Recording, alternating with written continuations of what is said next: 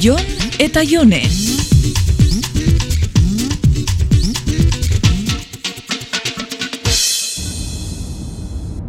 Inporta altzaizu gasolindegian geratzen bagea. Ez, Momentu bat besterik ez da izango, eh? baina hori ez duzu galdetu egin behar be? Ba, ez dakit, igual presaka zabiltza. Bueno, lasai, gasolineran pare bat minutu besterik ez du galduko ta? Bueno, bain egingo dut, eh?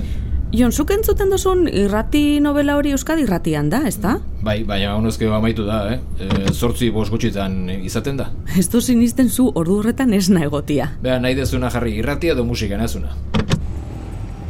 Berroita ma bost, berroita mar euro, mesedez. Joder, azkenian isa amar minutu pasau dauz gasolineran. Bueno, eske jende pixka zeon. Ja, baina ezain beste, kontua da txarto egiten dozula. Txarto iten dudala? Bai, Ze iten den itxarto. ba, gasolinia botatziana. Ara, oinzuk esan behar diazu nola botatzen zaion gasolina kotxeari? Azteko, ezara zu botatzen detzazuna? Joder, a ber, a ber, esaiazu ze egiten dela gaizki. Ba, gasolinerako tipuari zenbat ipini beharretzazun esan ostian, kajarasoiaz eta bertan ordaintzen dozu. Hori egin behar da. Ta ni zein de ba? Ba, gasolina guztia botarte gasolinerako tipuan onduan geratu zara eta gero joan zara ordaintzera. Zer, ordaindutakoa botatzen ete detzuen ikusteko geratzen zara ala? Ez du, hoi ez zait ez da buruti pasa ere, eh? Hoi zu bezalako mari justui bakarrik gorritzen zaizu, eh? Ja, ja. ez dakit kontuatu zean, eh? Baina ni tipoarekin bitz egitea gehatu naiz, osea, palike eman diot, eh? elkartasuna dirazi, eta... Elkartasuna? Bai, Hmm, ja. bai, bai, bai, tipoa lanen nahi da, eh? Ta neri zerbitzu bat ematen, ta edukazio kontua da, hoi? Bueno, bere lana itxen diardu besterik ez? Bai, ta kalen, hotza pasatzen. Ah, eta zu gasolineretako langileri konversazioa emoten detzen ONG batekoa zara. Ze diferentzia hon liteke ba? Ze, bi minutu?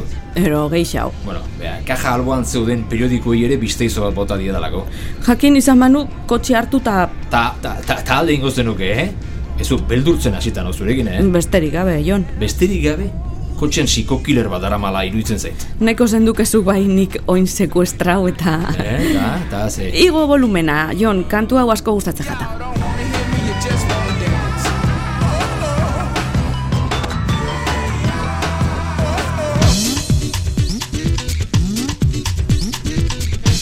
Akordatzen altzea aitona mona gasolindegietan abandonatzen zituzten gara jardaz. Zer? Ez dut olakorik sekula Ba, entzun. ba, bai, bai, duela urte batzuk albistegietan modan jarri zen notizia horietako izan zen. Osea, zakur arriskusiona bezalako udako albiste horietako bat. Txakurrekin bai, badakit tarteka itzen da bela. Ba, beira, gari batean, benidormerako bidean, bat batean aitona komunera zijoala aprobetsatu eta antxe justu hemen zuten. Ah, horrek ezin dau egisa izan. Bueno, akaso, aitona horiek naite egiten zuten, eh? denbora gehiegi ematen zuten gasolindegiko komunean eta edo periodikoa irakurtzen. Mm, ze esan nahi dozu horrekin. Ez horrez, be, askotan igual abandonatu baino haiek ies egiten zutela. Besterik gabe, pozen pentsatzen nahi naiz, eh?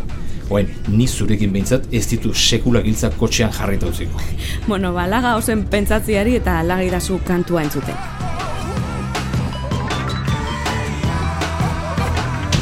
Jon eta Jone.